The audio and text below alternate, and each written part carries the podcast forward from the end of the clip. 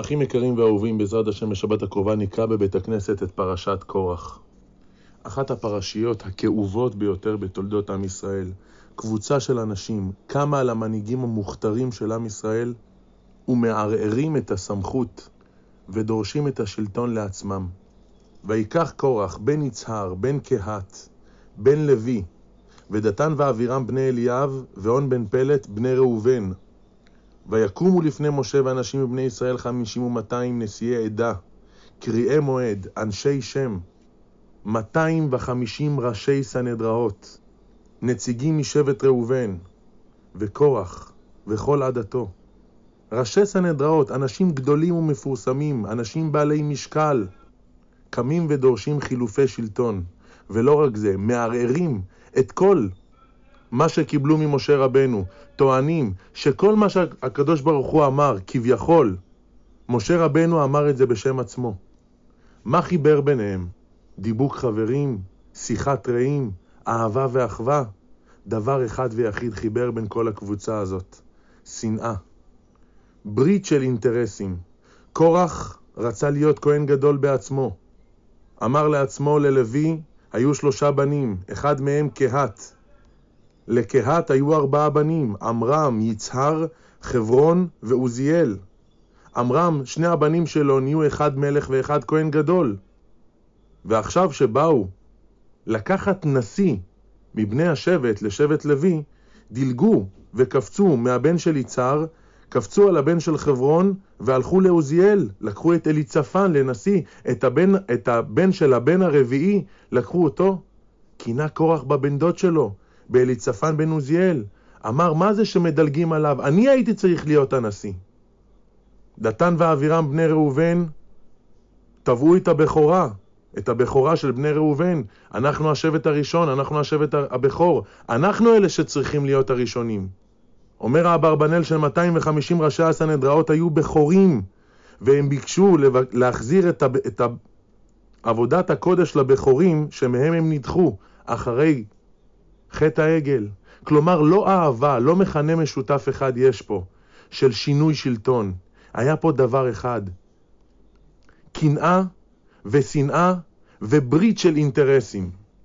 נחזור לקורח. אדם עתיר ייחוס, הנין של יעקב אבינו, בן נין של לוי, בעל רוח הקודש, הלא הוא ראה שעתיד לצאת ממנו שמואל הנביא ששקול כנגד משה ואהרון, אם כן היה בעל רוח הקודש. מטועני הארון, מנושאי הארון ברית השם. הארון כידוע היה ממית את נושאיו, כמו שאומר רש"י, ובקורח לא פגע, אם כן היה אדם גדול קורח. 250 ראשי סנהדראות הלכו בעקבותיו, ועשירותו, עשירות לאין קץ, לא סתם אומרים עשיר כקורח, הגמרא במסכת סנהדרין דף ק"י מפרטת כמה קורח היה עשיר, שהיו לו 300 פרדות לבנות שהן יכולות לשאת מסע כבד ורב, שסחבו רק את המפתחות של האוצרות שלו. והגמרא מסייגת ואומרת שלא נחשוב שהמפתחות היו כל כך כבדים. המפתחות היו עשויים מעור. אם כן, איזה עשירות גדולה הייתה לו לקורח. הגמרא ממשיכה ואומרת שם, שיוסף הצדיק, שכל העולם כולו קנה ממנו את התבואה ושילם לו בכספו, החביא יוסף הצדיק שלוש מטמוניות, ואחת מהן מצא קורח. אם כן, עשיר גדול, בעל רוח הקודש, עתיר ייחוס, מטועני הארון, קורח, שפיקח היה. מה ראה לשטות זו? רש"י, בתחילת הפרשה, ויקח קורח, אומר רש"י, לקח את עצמו לצד אחד, להיות נחלק מתוך העדה. צד בגימטריה 94. שני צדדים בגימטריה 188. צד ועוד צד ביחד יוצא 188. 188 בגימטריה יוצא פיקח. קורח שפיקח היה, רואה את שני הצדדים. אדם עם יכולת לראות בשתי העיניים, להבחין, לדקדק, מה ראה לשטות זו?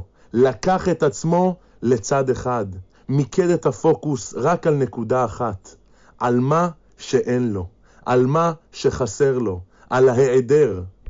יכול להיות אדם שיש לו הכל בחיים, המאושר עלי אדמות, מלא וגדוש, כל טוב של עולם, בריא בנפשו ובגופו, בעל משפחה, מקסים, עשיר, טוב לב, מצוין, הכל דופק לו כמו שצריך. אבל הוא, הוא יסתכל על השכן ויקנא בו. יקנא בו במשהו שולי, במשהו שהוא לא קשור אליו. למה? כי הוא לא מבין שלכל בן אדם יש את המסלול האישי והפרטי שלו בחיים. אדם שמסתכל וחושב שכולנו חבורה אחת וכולנו צריכים להיות את כל מה שיש לאחרים, אדם כזה נופל במהירות לקנאה. אומר הפסוק באיוב כי לאוויל יהרוג כעש ופוטה תמית קנאה. מפרש המצודות, המתפתה בליבו אחרי הצלחות מדומות ומרבה להתרעם על השם. מה פירוש שאומרים רואה ועיניו כלות? הקנאה מכלה את הבן אדם. שלמה המלך אומר על הפסוק, ורקב עצמות קנאה. אדם שמקנא, אדם שעסוק בלהסתכל מה אין לו ומה יש לאחרים, הוא מתרכב, העצמות שלו מרכיבות אותו. מסביר המלבים שזרימת הדם היא רצה בלב שמח, ואילו בקנאה הלב נעצר. לא סתם אומרים פנים ירוקות מקנאה, הזרימת הדם פוחתת. התפקוד הגופני, לא הנפשי, הגופני של הבן אדם פוחת. הקנאה מעבירה את האדם מן העולם, כמו שאומרים חז"ל. קשה כשאול קנאה.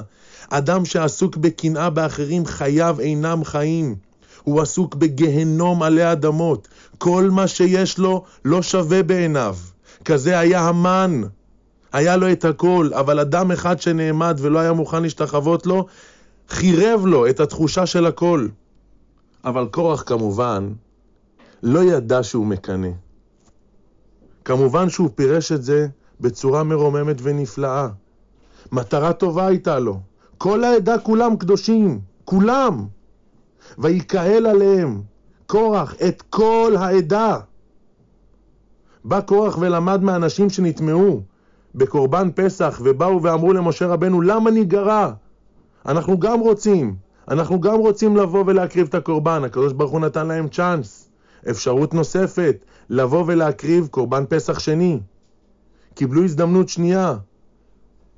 אמר קורח, גם אנחנו נבוא ונטען, כולם קדושים, כולם בדרגה גבוהה, כולם שווים, סוציאליזם במיטבו, אין עשיר ואין עני, אין ראשון ואין שני, כולם, כולם ראשונים, כולם שווים, אין היררכיה. טענה שעל פני הדף נשמעת נחמדה, אבל במציאות העולם לא יכול להתקיים ככה, כי לכל אחד יש את המסלול שלו, כל אחד יש את הדרך שלו בעבודת השם, שהיא, אדרבה, היא זו שמשלימה את הדרך של חברו.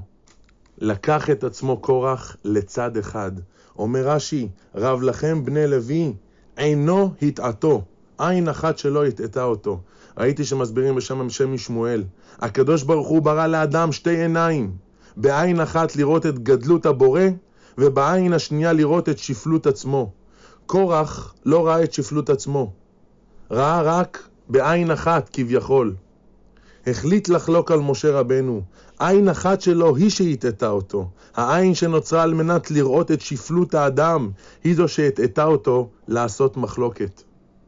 קורח שהגיע בשם השם, רצה להפוך את כל העדה כולם לקדושים, לא שם לב שדבר קטן, אפל, מכרסם בו, והוא כל הזמן חיבה את התחושה הזו.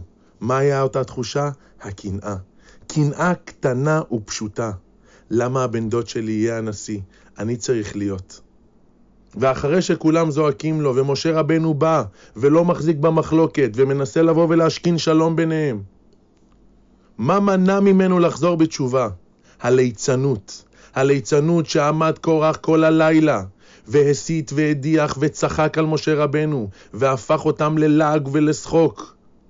אומר בעל המסילת ישרים בפרק ה' שהליצנות היא כמו מגן משוח שמפיל את החיצים. כשיורים חץ על מגן, חץ אחד יכול לפגוע במגן, אבל אם הוא משוח בשמן, החיצים מחליקים, אפילו לא פוגעים בו. אם כן, יש לנו שתי מידות איומות שאנחנו לומדים עליהן בפרשה. מידת הקנאה ואת ההגנה של הקנאה, הליצנות. והעונש שקיבלו קורח ועדתו היה עונש נורא. מידה כנגד מידה.